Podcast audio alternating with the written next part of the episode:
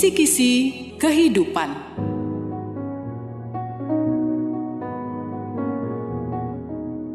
Shalom kekasih-kekasih Tuhan Yesus. Melayani, melayani lebih sungguh. Itu adalah penggalan lagu rohani yang sering dinyanyikan. Lagu itu seolah telah menjadi lagu wajib pada saat berdoa persiapan ibadah maupun saat pelantikan para pelayan gereja. Tak dapat dipungkiri, tak dapat dipungkiri bahwa lirik yang sederhana itu selalu menyentuh hati dan mengubah hati setiap orang yang menyanyikannya. Sehingga mereka tidak sekedar melayani, melainkan melayani dengan lebih bersungguh-sungguh lagi. Mengapa kita harus melayani dengan sungguh-sungguh? Apakah selama ini kita kurang bersungguh-sungguh? Kisah berikut ini kiranya menolong kita untuk memahami mengapa kita harus melayani dengan sungguh-sungguh. Ketika anak saya masih balita, ia sering menyambut kedatangan saya dari kantor, seraya ingin membawakan tas saya untuk dibawa masuk ke dalam rumah. Tas saya tentu saja sangat berat baginya, karena berisi laptop dan beberapa buku. Dengan penuh semangat ia berusaha menarik tas saya dari dalam mobil.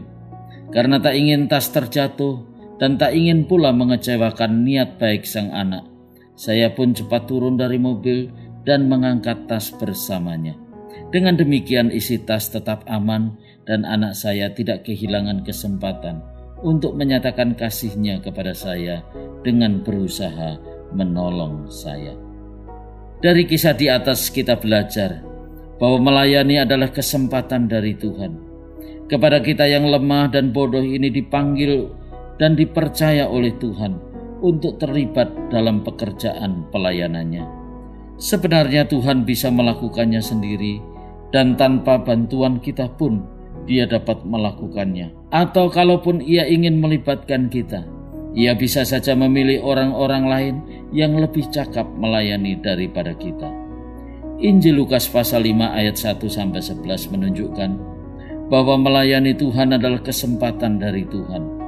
Di sana diceritakan bagaimana Tuhan Yesus memanggil Simon dan teman-temannya yang hanya nelayan untuk melanjutkan pelayanannya dengan menjadikan mereka sebagai penjala manusia.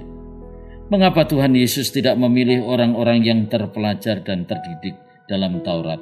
Mengapa Tuhan Yesus tidak mendekati para negarawan yang cakap dan para orator yang terkenal untuk melanjutkan pekerjaannya? Mengapa pula Tuhan Yesus tidak mencari mereka di tempat-tempat yang layak seperti di bait Allah, istana raja, kampus-kampus yang ternama, dan lain-lain. Mengapa ia justru mencari pengikut-pengikutnya di tempat yang tidak terhormat, seperti di tepi danau, tempat mangkalnya para nelayan dan kapal-kapal ikan. Kekasih-kekasih Tuhan Yesus, dalam kedaulatannya, ia bebas memberi kesempatan melayani kepada siapa pun dan dari kalangan mana pun, sesuai dengan kehendaknya. Melayani adalah kesempatan dari Tuhan Yesus karena itu jangan biarkan kesempatan itu berlalu begitu saja. Marilah kita melayaninya dengan lebih bersungguh-sungguh lagi.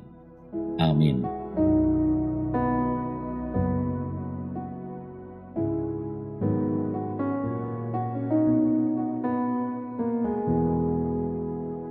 Kisi-kisi kehidupan.